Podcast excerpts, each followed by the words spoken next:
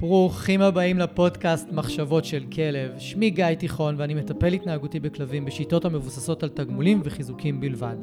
אני מאמין שחשוב לגדל כלבים כיום בראייה הוליסטית ולא מספיק לגדל אותם בראייה התנהגותית בלבד.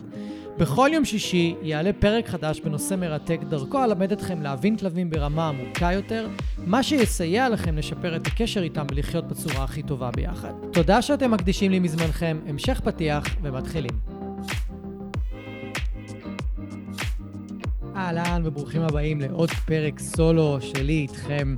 בפרק הזה אני רוצה לנצל ולעשות המשך ישיר לפרק שעשיתי מלפני מספר שבועות על תקופות החיים של כלב. דיברתי בפרק הזה על תקופת הגרות, תקופת ההתבגרות, תקופת הבגרות, תקופת הזקנה, וחילקתי לכם את כל התקופות האלה, חילקתי גם לתתי תקופות כדי שתוכלו להכיר ולהבין יותר לעומק את הכלב שלכם ומה עובר עליו בעצם לאורך ה... אה, לאורך התקופות האלה, והיום אני רוצה לצלול יותר לעומק על השינויים ההתנהגותיים שהכלבים שלכם עוברים בתקופת ההתבגרות.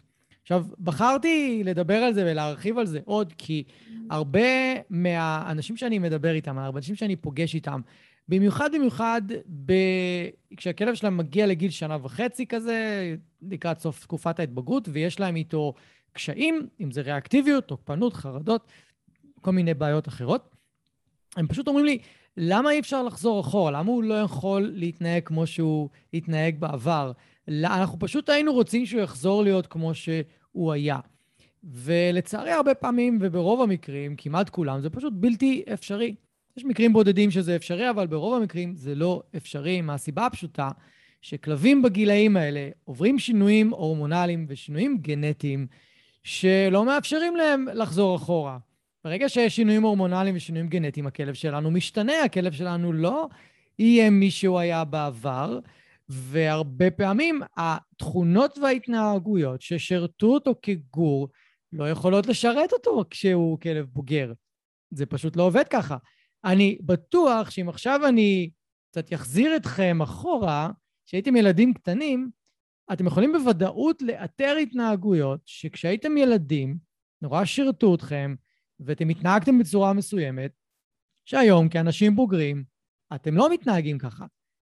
אוקיי? אתם אולי שומעים את זה בסיפורים, אבל אתם לא מתנהגים ככה. אני בתור ילד, הייתה לי את, ה, אה, את ההתנהגות, הייתי בתור ילד קטן עד איזה גיל 4-5, משהו כזה. הייתי בסוף ארוחות ערב עולה על השולחן ורוקד על השולחן, וכל המשפחה שהייתה מריעה לי ועושה לי, אה, איזה יופי, וכולם היו שמחים. מתישהו הפסקתי עם זה, אוקיי? מתישהו פשוט הפסקתי עם זה, כי זה הפכה להיות התנהגות שאולי פחות מקובלת ככל שאנחנו מתבגרים, נכון? אתם לא רואים אנשים מבוגרים בסוף ארוחת שישי עולים על השולחן ורוקדים. זה לא קורה. כי ההתנהגויות האלה הן יותר מאפיינות ילדים, והן יותר מקובלות אצל ילדים, וככל שאנחנו מתבגרים, ההורים אומרים לנו שיש התנהגויות שכילדים אנחנו לא יכולים לעשות יותר, או שאנחנו בעצמנו מחליטים ומרגישים כי משהו השתנה אצלנו שזה לא ראוי יותר שנעשה את זה כילדים יותר גדולים. כמו למשל, ילדים מתי שמפתחים את המודעות לשים בגדים על הגוף שלהם ולא להסתובב יותר uh, ערומים, למשל. מישהו מלמד אותם? לפעמים כן, מישהו מלמד אותם, אבל הרבה פעמים זה פשוט תחושה פנימית שלהם שהם לא רוצים יותר לת... להרגיש חשופים. אז אותו הדבר בצורה, אותו הדבר ובצורה מסוימת, בצורה שהיא דומה ושונה, הכלבים גם עוברים שינויים התנהגותיים כתוצאה משינויים הורמונליים ושינויים אה, גנטיים, וגם כתוצאה מהחוויה אה, של הסטרס שלהם. נורא נורא נורא תלוי כמה סטרס הכלב שלי חווה ביום-יום, ואיזה אתגרים והתמודדויות יש לו ביום-יום, ועוד מעט אני אסביר איך זה קשור. אז יש לנו בעצם ארבע, שלושה גורמים עיקריים שתורמים לשינויים ההתנהגותיים של הכלבים שלנו בגיל ההתבגרות, וזה אה, סיבות של סטרס מצטבר, סיבות של אה, הורמונ... אה, שינויים הורמונליים ושינויים גנטיים. אוקיי? אנחנו נדבר על שלושתם. עכשיו, למי שלא שמע את הפרק, אז תקציר קטן, אוקיי? תקופת ההתבגרות המינית אצל כלבים, או תקופת ההתבגרות באופן כללי, יכולת להיות מינית, לא מתאפיין באיזה משהו מיני אצל כלבים בעצם, פשוט תקופת ההתבגרות. אה, היא מתרחשת פחות או יותר סביב גיל שישה, שבעה, שמונה חודשים, שם היא מתחילה. היא יכולה להסתיים איפשהו בגיל שנה וחצי, שנתיים. אצל כל כלב זה משתנה, יש כלבים שבכלל לא לא רואים עליהם שהם עוברים איזושהי תקופת התבגרות, הם שום דבר בהתנהגות שלהם ובאופי שלהם לא משתנה, ואנחנו לא, לא רואים את זה עליהם. ואחרי התקופה הזאת מגיעה תקופת הבגרות, שהיא הכי ארוכה, גם שם יכולים להיות שינויים התנהגותיים. אתם רוצים לקבל יותר מידע, פשוט תלכו לפרק שאני מדבר על, על, ה, על השינויים הללו ועל התקופות האלו. היום אני פשוט רוצה להתמקד בתקופת ההתבגרות. אז אני רוצה להתחיל מהסיבה הראשונה, סיבה של סטרס, שאנחנו מדברים על הנושא הזה המון בפודקאסט הזה, כי הוא מרכיב כל כך קריטי היום. במיוחד במיוחד אם יש לכם אה, אה, כלבי פריע, כלבי כנעני, כלבי בר, אם זו פעם ראשונה שאתם שומעים את המונח הזה, כלבי פריע, אתם חייבים לעצמכם ללכת לפרק 10 ולהקשיב לו, שבו אני מראיין את הגר רובין, ואנחנו מדברים על כלבי הפריע, שזה בעצם כלבי הכנעני עמותות, כלבי הבר, הכלבים הכנענים המעורבים שאתם רואים המון ברחוב ובעמותות, ובעצם מאיפה הם מגיעים ולמה קשה להם בסביבה העירונית, ולמה לנו קשה לגדל אותם, ואיזה אתגרים עומדים בפניכם אם יש לכם כלב כזה. מאוד ממליץ לכם, אחרי שאתם מסיימים להקשיב לפרק הזה, ללכת לפרק העשירי ולהקשיב לו. זה גם הפרק הכי מואזן בפודקאסט by far. משאר הפרקים, בין פי שלוש לפי שתיים יותר האזנות. אז אני חושב שהפרק הזה נגע בהרבה אנשים, ואם אתם לא מכירים אותו, לכו להקשיב לו. הוא פרק חובה כרגע מכל הפרקים שעשיתי בפודקאסט. אז, אז אמרנו שבתקופה הזאת כלבים עוברים שינויים התנהגותיים, ואנחנו מדברים כרגע על הסיבה של הסטרס. אה, בפרק 6 עם מני מאייר אנחנו דיברנו המון על אפקט הסטרס המצטבר, שהופך להיות סטרס כרוני, שבסופו של דבר יכול לגרום לתופעה שנקראת חרדה מוכללת.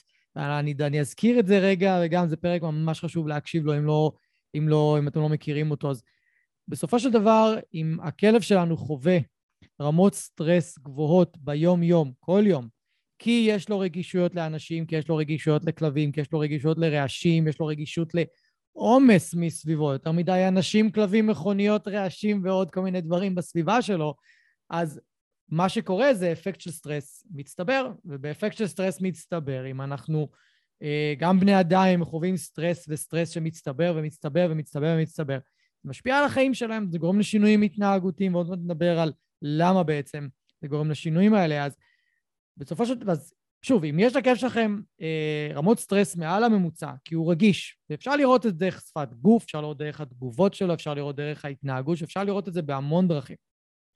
הוא בקלות יכול לפתח מה שנקרא סטרס כרוני. זאת אומרת שהוא כל הזמן נמצא בסטרס. הגוף מוצף בהורמוני סטרס, והגוף לא מספיק לפנות את הורמוני הסטרס לפני שהוא צובר עוד מהם, לפני שהוא מפריש עוד מהם, אוקיי?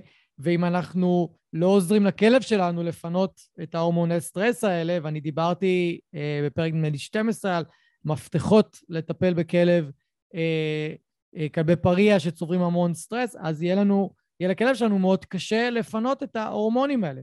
לדוגמה, אתם לא יכולים לפרוק לכלב את הסטרס המצטבר שלו, זה פשוט לא יקרה. כי זה מנגנון פיזיולוגי אוטומטי שאין לכם שליטה עליו. אבל אם אתם תיקחו את הכלב שלכם למקום שבו הוא חווה פחות סטרס ואוגר פחות סטרס, כמו פארק פתוח, שדה פתוח, ששם הוא מרגיש הרבה יותר טוב עם עצמו, אז אתם פשוט תעזרו לו לאגור פחות סטרס, וזה יעזור לגוף לפנות יותר מהסטרס, מבינים? אז זה לא שאתם יכולים לעזור לפרוק אה, לכלב סטרס, פריקת אנרגיה לא פורקת סטרס, למשל, זה לא אותו מנגנון בגוף. אם הכלב חווה בפריקת אנרגיה שלו חוויה מאוד כיפית ונעימה, אז הוא פשוט פחות צבר סטרס באותו רגע, וזה פשוט, אה, זה איך שאתם יכולים לתרום. אז אם הכלב שלי סובל מאפקט של סטרס מצטבר, הוא בקלות יכול להגיע לתופעה שאנחנו קוראים לה חרדה, אה, מוכללת, שאם יש דברים נקודתיים שגורמים לו להרגיש חרדה או לחץ או פחד, הוא בקלות יכול להכליל אותם לעוד סיטואציות ולעוד מצבים ולעוד מקומות, ובעצם להפוך להיות כלב שמפחד מהרבה מאוד דברים שקודם הוא לא פחד מהם.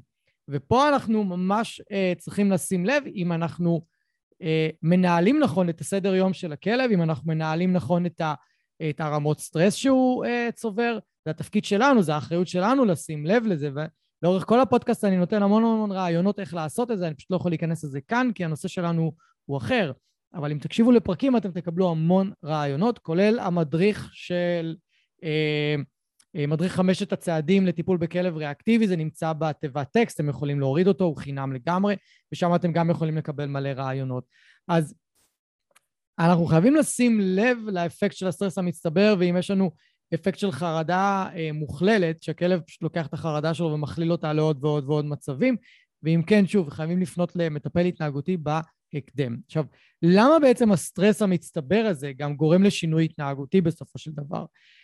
בואו נבין משהו על איך, אה, מה קורה בתקופה הזו שהכלב שלנו מעצב את האישיות שלו, מעצב את ההתנהגות שלו, ויותר חשוב מהכל, הוא מעצב את המוח שלו, אוקיי? אז אם עכשיו הכלב שלי חווה אפקט של סטרס מצטבר, הוא מפריש המון הורמוני קורטיזול, זה הורמון הסטרס, יש עוד הורמונים, אבל זה העיקרי. הוא מפריש המון את הורמון הקורטיזול. הורמון הקורטיזול אחראי בין היתר על תגובת ההילחם או ברח, שגם אה, משלבת בתוכה את תגובת הכפייה, ומשלבת בתוכה גם את תגובת הפייסנות, שעוד מעט נדבר על ארבע התגובות האלה, אבל ברגע שהכלב שלי מפריש המון הורמוני סטרס, הוא יהיה עסוק, הגוף שלו והמוח שלו יהיו עסוקים רוב הזמן בלשמור על עצמם, בלאתר גורמים מפחידים ב- ביום-יום שלהם, ולהחליט אם הם מבריחים את זה, אם הם בורחים מזה, אם הם קופאים במקום. אה, מי שיש לו כלב שנתקע בטיולים עכשיו יכול להבין למה, או שהם ניגשים לדבר שמפחיד אותם, הם מתנהגים בצורה אה, פייסנית, יכול להיות שהם יתחילו מהתנהגות פייסנית ואז עברו להתנהגות מרחיקה, מכירים את הכלבים שמגיעים לכלבים אחרים, מרחכים אותם קצת ואז מתנפלים עליהם. כי זה קשור ל, ל, אה, לתגובה הזו של ה-fight or flat שכוללת בתוכה גם פריז ופייסנות, אפיזמנט, אם אתם מחפשים את זה באנגלית. אז התחלתי להגיד שהורמוני הקורטיזול מאוד מאוד משפיעים על איך שהמוח מתעצב. אז אם אמרנו שההורמונים האלה אחראים על התגובה את תילחם או ברח, אז זאת אומרת שהמוח מתעצב סביב האם אני צריך לתקוף את זה, האם אני צריך לברוח מזה, האם אני צריך לפייס את זה, או אם אני קופא במקום. אז ככל שהכלב שלי מתוח יותר ומפריש יותר הורמוני סטרס, המוח שלו מתעצב עוד יותר סביב התגובות האלה. ואם המוח של הכלב שלי מתעצב סביב התגובות האלה, זה האופי שיהיה לו בסופו של דבר. של כלב שבוחר או להילחם, או לברוח, או לקפוא, או לפייס, כי זה מה שהוא חווה יותר ויותר בתקופה, אה, בשנה, שנה וחצי הראשונות של חייו. ככה הוא מתעצב. ככה זה גם עם אנשים, ככה זה גם עם ילדים, ככה זה עם כל יצור חי בעולם. נורא תלוי איזה חוויה הייתה לו בגוף גם, לא רק חוויה חיצונית, גם איזה חוויה הייתה לו בגוף, איזה הורמונים מופרשים.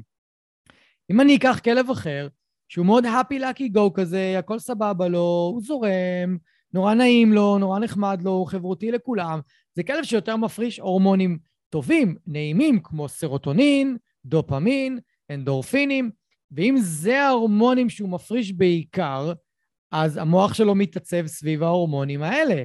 אז כלב שהוא מתעצב סביב ההורמונים האלה, המוח שלו הרבה יותר מכיל, הרבה יותר סבלני, פחות אימפולסיבי, יותר פתוח לדו... לקבל דברים חדשים, יותר פתוח להתנסויות חדשות, יותר חברותי באופי שלו. התפתחות שהיא שונה לחלוטין מאיך שמוח שמתפתח סביב הורמון הקורטיזול מתפתח. יש הבדל עצום בין שניהם. המוח שגדל סביב קורטיזול הוא לא מוח שפתוח לדברים חדשים, הוא מוח שרוצה להרחיק ממנו את כל מה שהוא לא מכיר. וככל שעובר הזמן והגור מתגדל, באתי להגיד מתגדל, ככל שהגור גדל, אז האנשים שהוא הכיר ופגש מהרגע שהיה גור קטן, והיה בתקופה הזאת הוא היה יותר פתוח לקבלה. בגלל זה אנחנו אומרים שעד גיל ארבעה חודשים אם יש לכם כלב, אתם רוצים להכיר לו כמה שיותר אנשים וכמה שיותר כלבים, כי אחר כך זה נסגר. אחר כך התקופה הזו של הקבלה של הספוג נסגרת, במיוחד כלבים שיש להם את הנטייה לצבור סטרס ונטייה להיות רגישים ונטייה אה, כמו של הכלבי הכנעני האלה. לכן אנחנו אומרים המון שצריך לעשות את, הפעולת, את הפעולות חשיפה האלה בשלב מאוד מוקדם, כי אחר כך זה נסגר. אז הכלבים האלה, שוב, הם יותר נוטים, אלה שיש להם אה, נטייה לצבוס, אז הם יותר נוטים בשלב יותר מאוחר להיות כלבים שלא רוצים להתנסות בדברים חדשים, ואז מגיל מסוים, שבאים אליכם אורחים, הם פתאום מתנהגים אליהם בצורה לא יפה ולא נעימה, והם נובחים עליהם, אבל על החברים שלכם שהם פגשו כגורים בתקופת החשיפה הקריטית הראשונה, שאני מדבר עליה בפרק של התקופות אה, חיים של כלבים, הם קיבלו אותם והם פגשו אותם, הם היו יותר פתוחים לקבל אותם שם, כי המוח הוא יותר כמו ספוג בתקופה הזאת, אז הם ממשיכים לקבל אותם בסבבה, הם ממשיכים לקבל אותם בטוב. אתם לא צריכים לדאוג שהם באים אליכם הביתה, אבל אנשים זרים לחלוטין, במיוחד שהם פוגשים אותם בתקופת ההתבגרות, הם פתאום לא מוכנים לקבל אותם. ולמה זה? בגלל שהגור שלנו היה חששן מלכתחילה, והוא גדל והמוח שלו התעצב יותר סביב אה, הורמוני סטרס והורמוני קורטיזול, עכשיו בהתבגרות, בתקופת ההתבגרות, שהמוח הוא עוד יותר לא מוכן לקבל דברים אה, חדשים, זה מתנגש, זה יותר, יותר ממתנגש, זה מתחבר יותר נכון. מצד אחד הכלב לא רוצה להתנסות בדברים חדשים, מצד אחד המוח שלו יותר ויותר התפתח סביב הורמוני הקורטיזול, שהורמוני הקורטיזול אחראים יותר על תגובת ההילחם או ברח. אז הוא פוגש משהו חדש, הוא פוגש אותו, והוא חושב האם אני נלחם בזה או האם אני בורח מזה. ככה הכלב חושב.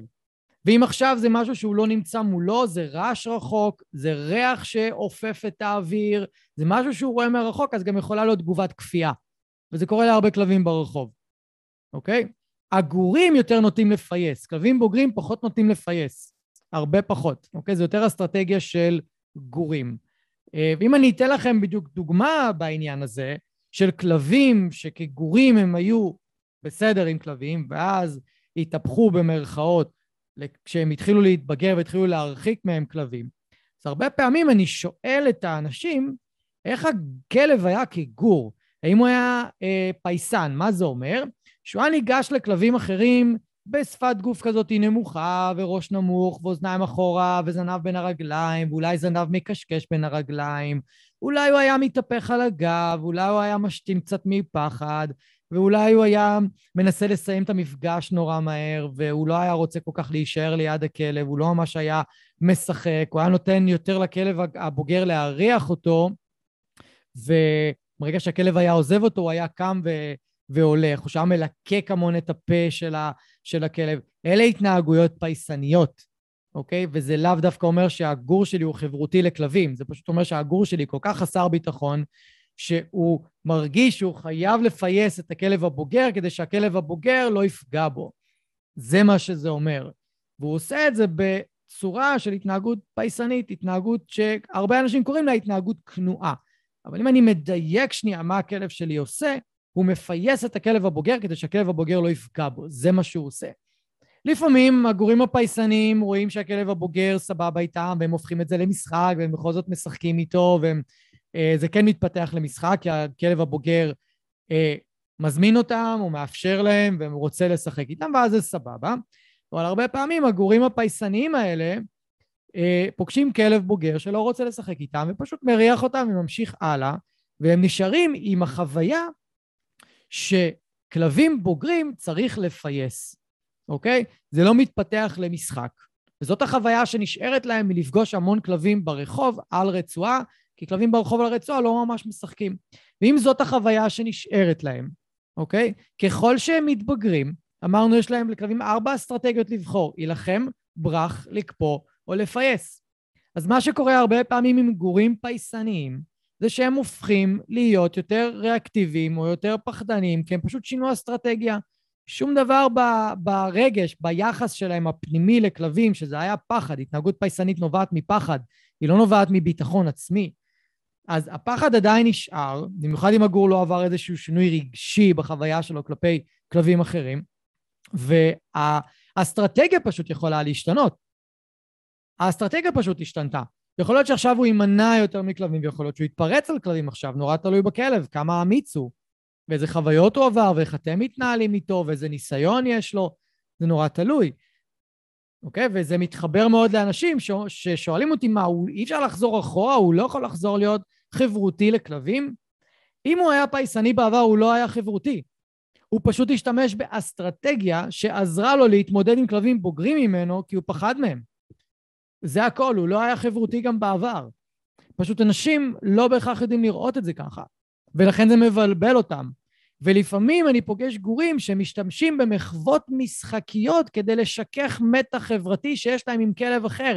הם לא באמת משחקים. זה כמו שאם אני עכשיו מחייך למישהו, זה לא אומר שאני נחמד אליו, זה לא אומר שאני אוהב אותו, זה לא אומר שאני רוצה להיות חבר שלו. אני נחמד אליו כי אני נימוסי, כי חיוך משכך מתח חברתי, זה הכל. זה לא אומר בהכרח שאני רוצה משהו מעבר עם הבן אדם הזה, שרק בגלל שאני מחייך אליו.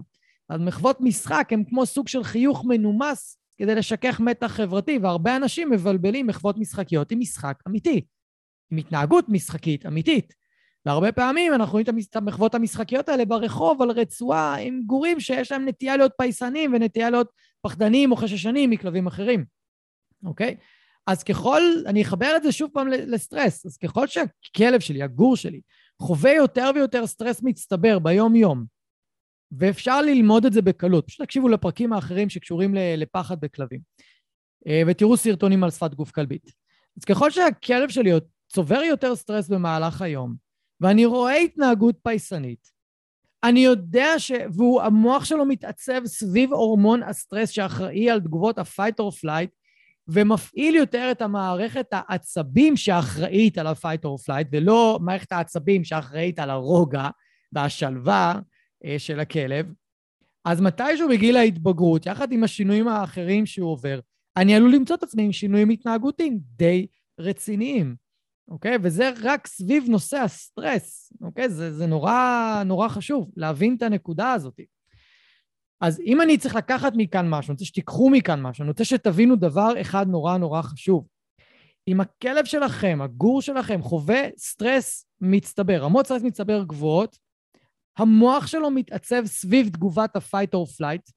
זה אומר שהוא יותר עסוק בהאם אני צריך להבריח את מה שיש מולי, או לברוח ממה שיש מולי, או לפעס אותו, או אה, לקפוא מולו.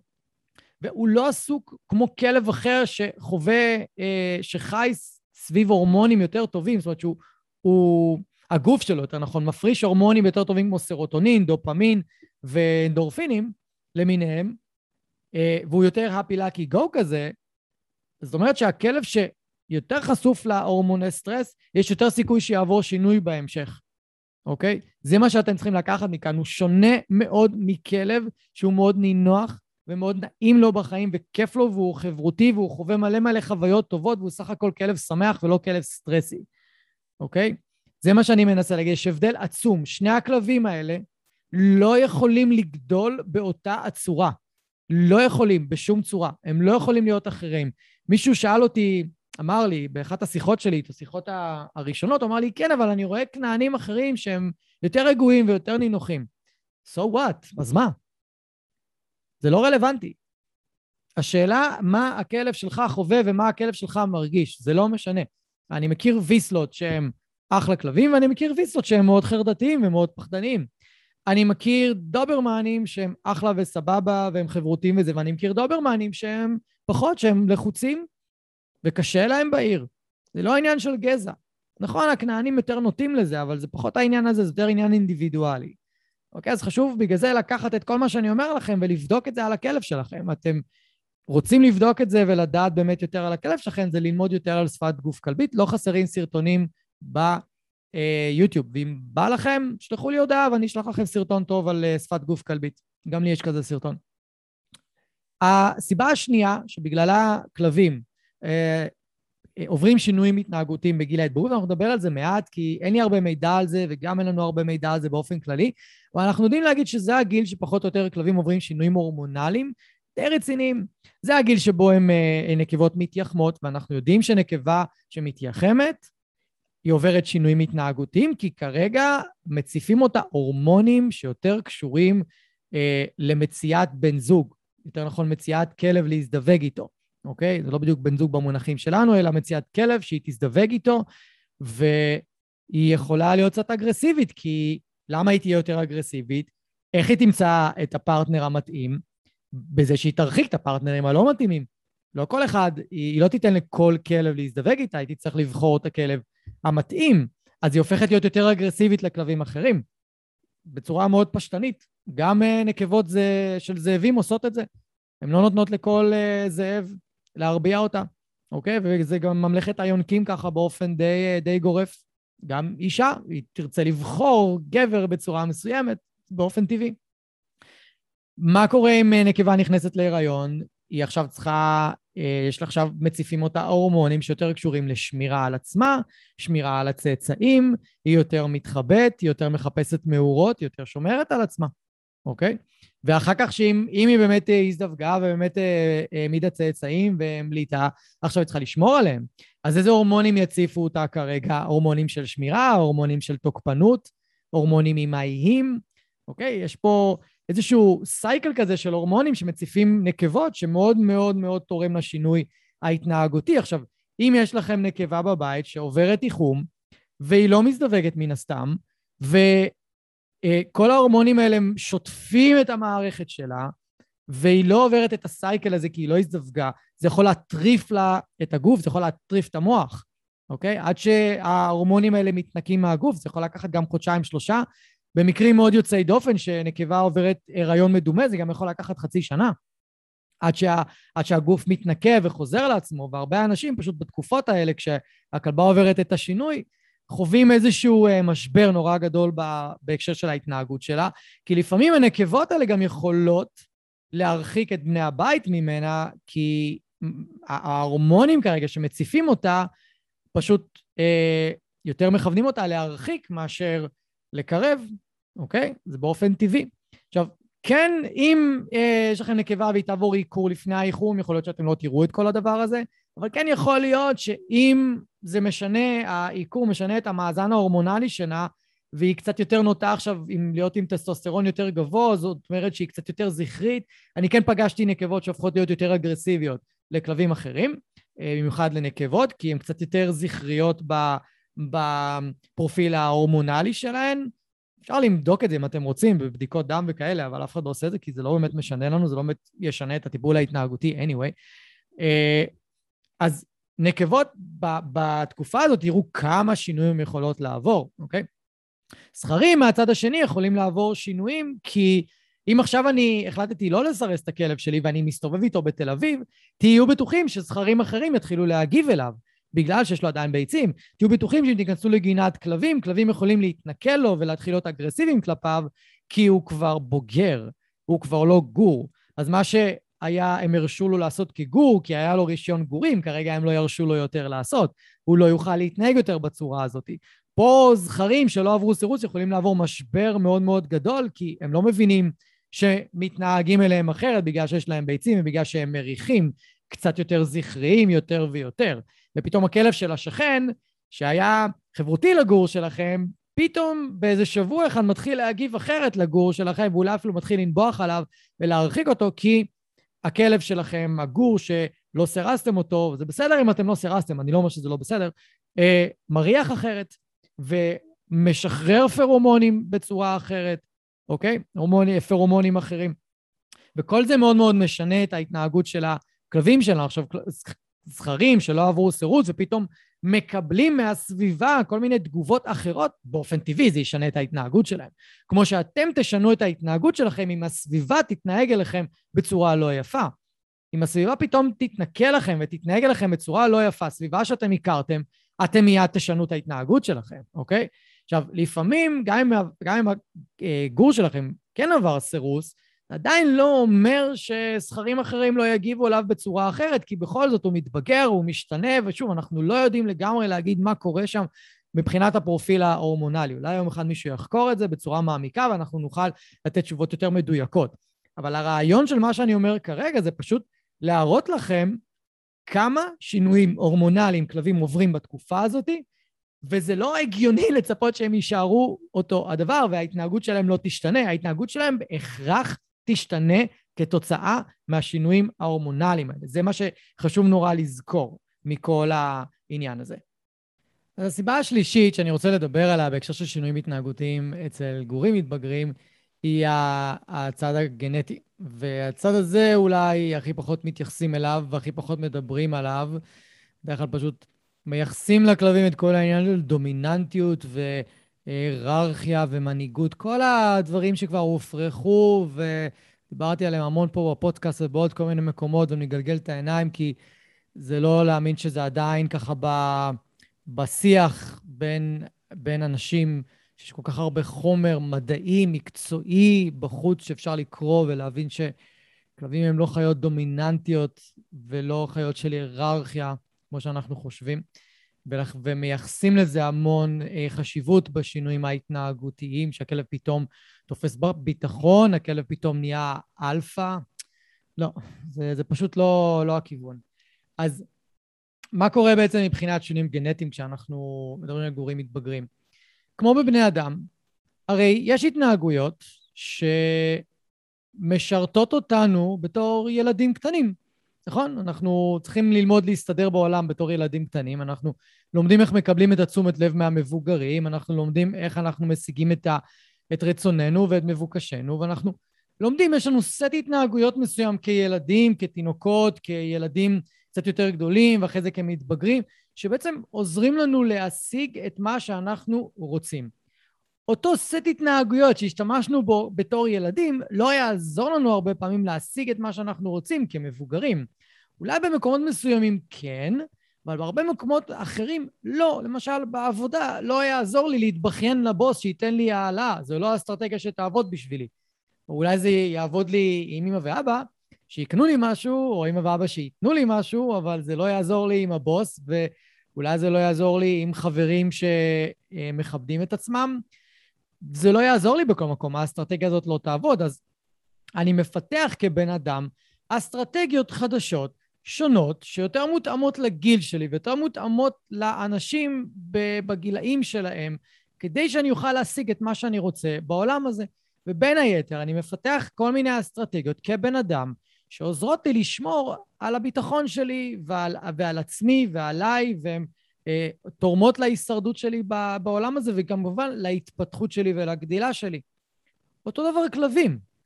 גורים קטנים, אני שוב ציינתי את זה הרבה בפרק על תקופות החיים של כלבים. לגורים יש רישיון גורים. אוקיי? יש להם רישיון גורים. הם מורשים לעשות ולהתנהג בצורה מסוימת, שאחר כך כבוגרים זה לא עובר, זה לא מתקבל. כלבים בוגרים לא יאפשרו להם להתנהג בצורה הזו, ופשוט יחליקו להם את זה, זה פשוט לא יקרה. אולי זה יקרה עם כמה כלבים בודדים שהם נורא הוריים באופי שלהם, אבל זה לא יקרה עם רוב הכלבים. והגורים מתישהו, באיזשהו שלב, כשהם מתחילים להתבגר, הכלבים הבוגרים מצפים מהם להתנהגות של בוגרים, ואז הכלבים הגורים המתבגרים קולטים שהאסטרטגיות שעבדו להם בעבר, ודיברנו על פייסנות, ודיברנו על מחוות משחקיות שמזכירות אה, משחק, אני אחזור על זה אולי עוד פעם, ופתאום הם הגורים האלה רואים שזה לא עובד להם, והם צריכים לפתח אסטרטגיות אחרות, או שהם תופסים יותר ביטחון, ואומרים, אוקיי, האסטרטגיה הזו של הפייסנות, אם אנחנו מדברים על גורים שמפחדים וחוששים מכלבים אחרים, והם מפייסים אותם כחלק מהצורת תקשורת איתם.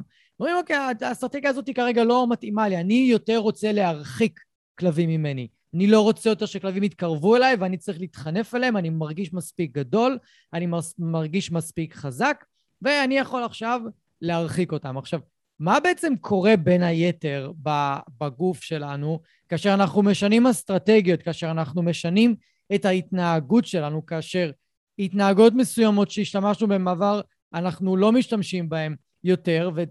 ונתתי מקודם את הדוגמה של ילדים, שדוגמה עליכם גם, דוגמה גם עליי, שהיו דברים בעבר שעשיתם, ואפילו אהבתם לעשות, או שנורא נמשכת אליהם, אליהם, ועכשיו כבר לא. מה קרה? אוקיי? מה קרה? למה פעם זה, זה עניין אתכם ועכשיו לא? יכול להיות שיש דברים שעניינו אתכם והם עדיין מעניינים אתכם, אבל חלק מהסיבות, אחת מהסיבות, שזה לא מעניין אתכם יותר, אחת מהסיבות שכלבים משנים את האסטרטגיה שלהם זה כי הגנים ששירתו אותם כשהם היו גורים, לא בהכרח משרתים אותם כרגע, או ככל שהם מתבגרים ועוברים את השינויים ההורמונליים, אז באים לידי ביטוי גנים אחרים. גנים של כלב בוגר, לא גנים של גור, אוקיי? עכשיו, כל סט התנהגויות נובע מאיזה שהם גנים מסוימים. כל מה שאנחנו נושאים נובעים מאיזשהו ביטוי גנטי מסוים. זאת אומרת שאם ההתנהגות של הכלב שלי השתנתה בצורה משמעותית, זאת אומרת שגם הביטוי הגנטי שלו השתנה באופן משמעותי. וצריך להבין את זה, שככל שהכלבים שלנו מתבגרים ונכנסים לתקופת ההתבגרות ומתבגרים בגיל שלהם, הם משנים את הביטוי הגנטי שלהם, אוקיי? והקטע הזה פשוט לא מדובר מספיק, והוא לא בא לידי ביטוי מספיק, וזה עוזר לאנשים להבין למה הכלב שלהם לא יכול לחזור להיות מה שהוא היה כגור. אז אולי כגור הוא היה חברותי יותר לכלבים וסבלני יותר ונחמד יותר ושיחק יותר, אבל עכשיו באים לידי ביטוי גנים אחרים, יש גם את הפקטורים האחרים שדיברנו על סטרס, ודיברנו על השינויים ההורמונליים, וזה כבר לא ככה יותר. אני פגשתי לפני, אה, לפני כמה ימים, פגשתי כלבה, לפני כמה ימים שאני מקליט את הפודקאסט הזה, תלוי מתי אתם מקשיבים, אבל פגשתי כלבה שבערך בגיל תשעה חודשים התחילה להשתנות בצורה דרמטית בהתנהגות שלה. ממש בצורה דרמטית, אוקיי? והיא נראית קצת כמו בורדר קולי באופי שלה, אז מאוד יכול להיות שחלק מהגנים שמאפיינים בורדר קולי פתאום באים לידי ביטוי שלא באו לידי ביטוי קודם, אוקיי? וזה יכול לקרות. לי הייתה כלבה, פודלית, בשם לקי, ובגיל עשרה חודשים בערך, בין גיל עשרה חודשים לשנה, משהו כזה, פתאום, באמת, פתאום, זה כאילו out of the blue, היא התחילה להיות אובססיבית לכדורים. היא ראתה כדור ונדלק לה איזה משהו במוח שלא היה אפשר לכבות. היא הייתה מביאה כדורים נונסטופ, היא הייתה אובססיבית. היינו יכולים לזרוק כדורים דרך החלון, והיא הייתה קופצת מהחלון כמו משוגעת, כמובן קומת קרקע, לדשא, לא לדאוג, והיא הייתה הולכת ומביאה אותם, והיא הייתה הולכת ומטפסת על שיחים ועל גדרות רק כדי למצוא את הכדור. היא הייתה אובססיבית. מה קרה עשרה חודשים, שנה לפני זה? איפה זה היה? למה זה לא בא לידי ביטוי? בדיוק בגלל שלא היה גן שבא לידי ביטוי ברמה ההתנהגותית. לא היה גן כזה. ואז משהו קרה, שאני לא יודע להסביר אותו, אני לא גנטיקאי, ואני לא בטוח שגנטיקאים גם יכולים להסביר את זה. זה נפתח. והיא התחילה להיות ונשארה עד עד שנפרדנו, נפרדתי ממנה, היא הלכה פשוט עם הבת זוג הקודמת. אז אלה היו פשוט דוגמאות כדי להבהיר לכם וכדי להמחיש לכם עד כמה הביטוי הגנטי של הכלב שלכם יכול להשתנות ואי אפשר להחזיר אותו אחורה. אוקיי? עכשיו, אני אתן את זה מעוד כיוון. יש תחום שלם שנקרא אפי גנטיקה. אפי גנטיקה זה בעצם איך הסביבה משפיעה על הביטוי הגנטי שלי, וזה עובד על כל יצור חי, אוקיי? הסביבה משנה ביטוי גנטי. ביטוי גנטי מוביל להתנהגות. עכשיו, בטוח שמעתם, או אולי התנסיתם, עם כלב, ש... ושמעתם על כלב, שהיה נובח המון בדירה מסוימת, ואז עבר לדירה אחרת והוא נובח פחות. או שהוא היה גר באזור מסוים, והיה מתפרץ המון, ומאוד תגובתי, ועבר לגור באזור יותר שקט, ועכשיו הוא פחות מתפרץ. למה זה? למה התגובתיות שלו יותר נמוכה? כן, נכון, הוא פוגש פחות טריגרים? כן, נכון, אולי הכלב הנבחן גר עכשיו בבניין שמבודד יותר, ויש פחות רעשים, אולי יש לובי גדול ומעלית, וכל אחד גר בדירות מרוחקות יותר, וזה לא דירת פלורנטין ממוצעת, או דירה במרכז תל אביב ממוצעת, אולי. אבל עדיין זה אומר שהביטוי הגנטי שלו גם משתנה, כי הסביבה משנה. תזונה יכולה לשנות ביטוי גנטי. תזונה יכולה לשנות ביטוי גנטי, והדברים שאני אומר אותם מוכחים מחקרית. לא צריך ללכת רחוק, אפשר לכתוב אפי גנטיקה בגוגל, ויקיפדיה, איפה שאתם רוצים, אפשר להיכנס ליוטיוב ולקרוא ולשמוע ולראות על החומר הזה. זאת אומרת שאחד הדברים שברמה הגנטית שנורא משפיעים על הקשר זה איפה אתם גרים. יכול להיות שבאזור מסוים יבוא לידי ביטוי גנים אחרים, ובאזור אחר לא. ואם אני אתן לכם דוגמה, גם על זה מכלב שאני הכרתי פעם. לפני כמה שנים, הרבה שנים, פנה אליי זוג, זוג מבוגר עם כלב גדול כזה, מרמנו או מעורב גדול, הם גרו בכפר סבא. עשינו איתו אילוף, והם היו יכולים להסתובב איתו בשכונה שהם גרו בה, בלי יותר מדי בעיה. היה לו עניין עם כלבים, היה לו, הוא היה כלב אנרגטי, והוא גם לא כל כך התאים להם, אז הוא מבוגר, והחליטו למסור אותו לבית אחר. הבית הזה, האחר, שאימץ אותו בצפון, התקשר אליי אחרי כמה שבועות, ואמר לי, וסיפר לי שהכלב שלו פשוט אובססיבי לחתולים. הוא לא מסוגל להפסיק לרדוף אחרי חתולים, במקרה הזה לצערי גם הוא הרג כמה, והוא אמר לי, תגיד, אני לא, הזוג הזה שמסר לי את הכלב לא אמר לי שיש בעיה עם חתולים. ואני אמרתי לו, לא הייתה לנו בעיה עם חתולים. אנחנו לא היינו צריכים לעשות שום דבר באילוף בקשר לחתולים. הוא היה רואה חתולים והיה ממשיך ללכת. מה השתנה? הסביבה השתנתה. הסביבה הפעילה גנים אחרים שגרמו לו להתנהג בצורה הזאת, כמו שאני תופס את זה וכמו שאני מבין את זה. וזה מה שקרה בסופו של דבר. לסביבה יש השפעה על הביטוי הגנטי של הכלב, ואז אם הוא עובר שינויים, כתוצאה מזה שהוא מתבגר, שינויים הורמונליים, שינויים שנגרמים בראש ובמוח ובגוף כתוצאה מסטרס כרוני, שדיברנו על זה מקודם, דברים קורים, דברים משתנים, דברים שאתם לא יכולים לשלוט בהם. זה הדבר שהכי חשוב להבין ולזכור. אין לכם שליטה על השינויים האלה, אוקיי? הם יכולים לקרות בין אם אתם תעבדו עם הכלב או, לא, או שלא, זה, לא, זה לפעמים לא משנה. יכולים להיות כלבים שעבדתם איתם ואילפתם אותם ועשיתם כל מה שהייתם צריכים לעשות ברמה הכי נכונה שיכולה להיות, ועדיין יהיו להם שינויים התנהגותיים שאתם לא תאהבו ושאתם תרצו להחזיר את הגלגל, מה שנקרא, חזרה אחורה. עכשיו, אם אני רגע אה, הולך למקום אופטימי יותר, אז באילוף מה שאנחנו עושים זה משנים את ההתנהגות של הכלב. אנחנו לא משנים את האופי שלו, אנחנו לא משנים את הטמפרמנט שלו, אנחנו משנים את ההתנהגות שלו. אנחנו עוזרים לו לעבור שינוי רגשי כלפי דברים שמפריעים לו, כלפי דברים שמציקים לו. אנחנו מחזקים את הקשר עם הכלב כדי שילמד לסמוך עלינו במצבי מצוקה.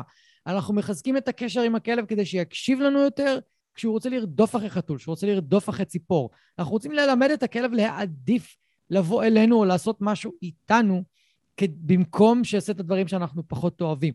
כל הדברים האלה בסופו של דבר הם בעיקר בעיקר התנהגות, והמון אה, אה, דברים שקשורים לרגש של הכלב, אנחנו עובדים בשני המישורים האלה. ואז, זו, זו בגישה שלי, בגישה ההוליסטית, אנחנו מתחילים לבחון את שאר הדברים. חלקם זה הסביבה שהכלב חי בה, כי אני יודע שהסביבה משפיעה על הביטוי הגנטי שמשפיע על ההתנהגות של הכלב, אז אני רוצה לייעץ לאנשים האם הסביבת מחיה שהם גרים בה היא טובה. כמובן שאני לא מצפה מהם לארוז את הבית מחר ולעבור, הייתי שמח אם חלקם היו עושים את זה, אבל זה משהו שמדברים עליו וזה משהו שאפשר להתייחס אליו באופק. ואם הכלב כרגע לא מקבל את התזונה הנכונה לו, ורואים בגוף שלו שהוא לא מקבל את התזונה הנכונה לו, שינוי תזונתי יכול לתרום לשינוי התנהגותי. הייתה כלבה, אני כל פעם מביא מקרה אחד, אבל זה הרבה מקרים שאני כבר מכיר, שאנחנו, שהייתה מאוד נבחנית בתוך הבית. החלפנו לה את התזונה לתזונה טבעית, כי היא פשוט בקושי נגעה באוכל היבש והייתה מאוד עצבנית. בתוך שבועיים מהרגע של השינוי תזונה לטבעי, הנביחות שלה פסקו, אנחנו לא עשינו כמעט שום דבר בקשר לנביחות שלה, בתוך הבית. היא הייתה סופר ריאקטיבית בחוץ ובבית, זה כאילו לא היה אפשר בשבועיים בחיים להגיע לשינוי כזה באמצעות עבודה באילוף. אין, זה לא היה קורה. זה קרה בזכות השינוי של התזונה. נטו. גם כי אנחנו נפגשנו רק פעם אחת בשבועיים האלה. עשינו אבחון, הם שינו את התזונה, ואז נפגשנו רק אחרי איזה שבועיים. איך, אי אפשר להסביר את זה אחרת. ותאמינו לי, ניסיתי, לא היה לי הסבר אחר. זה אחד המקרים שהכי פתח לי את העיניים לגבי איך שינוי תזונתי משנה התנהגות, בתנאי שהתזונה מתאימה באמת לכלב. ואתם יודעים מה דעתי על תזונה יבשה, בקרוב אחד הפרקים הבאים יהיה על תזונה, ואנחנו נפתח שם את זה הרבה יותר לעומק. אז שוב, בגישה שלי אני בוחן גם את הסביבה שהכלב חי בה, אני בוחן את המצב התזונתי שלו, אני גם בוחן את המצב הרפואי שלו. אם המצב הרפואי שלו לא טוב, זה אומר, שוב, יש ביטוי גנטי לא טוב של הכלב, אוקיי? יש פה איזה שהם כל מיני דברים שבאים לידי ביטוי בגוף של הכלב שלא תורמים להתנהגות שלו. אז נכון, אנחנו עובדים על ההתנהגויות, אבל אנחנו גם עובדים ובודקים ומנסים לסדר הרבה אלמנטים אחרים בחיים שלו, כדי שאנחנו נוכל לקדם את תהליך האילוף בצורה הטובה ביותר. זו הגישה ההוליסטית, היא לא גישה התנהגותית בלבד, היא גישה שמשלבת אספקטים ואלמנטים שונים מכל מיני uh, תחומי חיים של הכלב. וככה גם אני מתייחס לחיים שלי. הכל קשור. אני לא יכול לנתק את המצב התזונתי הגרוע של הכלב להתנהגות שלו, כמו שאני לא יכול לנתק את המצב הבריאותי הגרוע שלו מההתנהגות שלו, וכמו שאני לא יכול לנתק כלב שמשתולל וריאקטיבי ותגובתי מאוד בחוץ כתוצאה מסטרס, מזה שהמצב הבריאותי שלו לא טוב. כי סטרס משפיע על המצב הבריאותי, סטרס פוגע במערכת החיסון ובמערכת העיכול, וזה לופ. זה פשוט לופ, אני לא יכול להתעלם מהלופ הזה, וזו הגישה ההוליסטית, עוד פעם. לכן אני כל כך אוהב אותה, כי היא עוזרת לי לייצר תוצאות הרבה יותר משמעותיות וטובות וארוכות טווח, עם יותר כלבים ממה שהייתי יכול בעבר. כמובן שיש מקרים שהם יוצאי דופן וקשה מאוד לעזור שם, ושם דברים אחרים שנכנסים, אה, בפ... ב... שנכנסים שם וקשה אה, לטפל בהכל. אז אם אני צריך לסכם לכם את הפרק הזה, אז הפרק הזה דיבר בעצם על שלושה, שלוש סיבות, שלוש סיבות, שכלבים עוברים שינוי התנהגותי בתקופת ההתבגרות. דיברנו על אפקט הסטרס המצטבר, דיברנו על השינויים ההורמונליים, ודיברנו על השינויים בביטוי הגנטי, וגם הזכרתי את הנושא של הסביבה שמשפיעה על הביטוי הגנטי, ודיברנו גם על העניין ההוליסטי ממש לפני דקה. אתם רוצים להקשיב לפרק הזה יותר מפעם אחת כדי להפנים את, ה, את החומר הזה, ואם יש לכם חברים, קרובי משפחה, שיש להם כרגע גורים, והם גורים קטנים, לפני גיל 7-8 חודשים, או אולי אפילו תוך כדי כבר גיל ההתבגרות, שאמרנו שהוא מחצי שנה עד שנה וחצי, שנתיים בערך, אתם רוצים לשלוח להם את הפרק הזה. אתם רוצים לשלוח להם את המידע הזה כדי שהוא יהיה שם בשבילם, לעזור להם לעבור את התקופה הזו, כי זו תקופה של רכבת, הרים, צריך להיות חזקים, צריך לקבל תמיכה אה, מקצועית בתקופה הזאת, וצריך לדעת להתנהל בצורה מסוימת בתקופה הזאת כדי לא להחמיר את המצב. אבל בסופו של דבר התקופה הזו נגמרת, מגיעים לתקופת הבגרות, שם יש יותר יציבות, והרבה פעמים שם דווקא אנחנו מגיעים יותר לפריצות דרך באילוף ובטיפול ההתנהגותי של הכלב, כי אנחנו יוצאים מהרכבת הרים ההורמונלית וההתנהגותית וכל מה שדיברנו, ואנחנו מקבלים יותר יציבות, ואז שם אנחנו יכולים לקבל אה, תוצאה יותר טובה. אה, במיוחד כלבים בוגרים, במיוחד מי שחי בסביבה אה, שקטה יותר, כי אנחנו הרבה פעמים מדברים על כלבי פריה שקשה להם באזורים מרכזיים. אז מקווה שאהבתם את הפרק, אנחנו נתראה שבוע הבא כמובן. יאללה ביי. כידוע לכם, אני מטפל התנהגותי בכלבים, וההתמחות שלי היום היא תהליכי ליווי למי שמגדל גורים, במיוחד עם דגש על גורים כנענים וגורים רגישים. יש לי תהליכי ליווי מאוד גדולים ומאוד איכותיים לכל מי שמגדל גור, ואני מתמחה בטיפול בבעיות ריאקטיביות ותוקפנות אצל כלבים בוגרים. אני אשמח מאוד לעזור לכם, ואם אתם רוצים לעבוד יחד איתי, או עם אחד המאלפים המומלצים שלי, פשוט תרדו לתיבת הטקסט בכל מקום שאתם מקשיבים לפודקאסט, ויש לכם שם כישורים ודרכי קשר כדי להגיע אליי. אני והצוות שלי נדאג לכם באופן אישי, ואם אני לא אוכל לעזור, אנחנו נחבר אתכם לאחד המאלפים או המאלפות המומלצים מטעמנו, ואנחנו נשמח מאוד לעזור לכם. אני רוצה להגיד לכם שוב, תודה רבה שהאזנתם. אם אהבתם ואם נהניתם, אז שתפו חברים, שתפו מכרים, בעלי כלבים, תעזרו לי להפיץ את הפודקאסט הזה, אני מאוד מאוד אשמח. ותעשו פולו, כדי שהאפליקציה האהובה שלכם תודיע לכם. יום שישי היום, יש עוד פרק בפודקאסט מחשבות של כלב, ואני אפתיע אתכם עם נושא חדש ופרק חדש. אז אני מקווה שנהניתם היום, היה לי מאוד כיף לארח אתכם. אנחנו נתראה עוד שבוע, תהיו טובים לכלבים שלכם, תהיו טובים לעצמכם, ושיהיה לכם אחלה של סוף שבוע.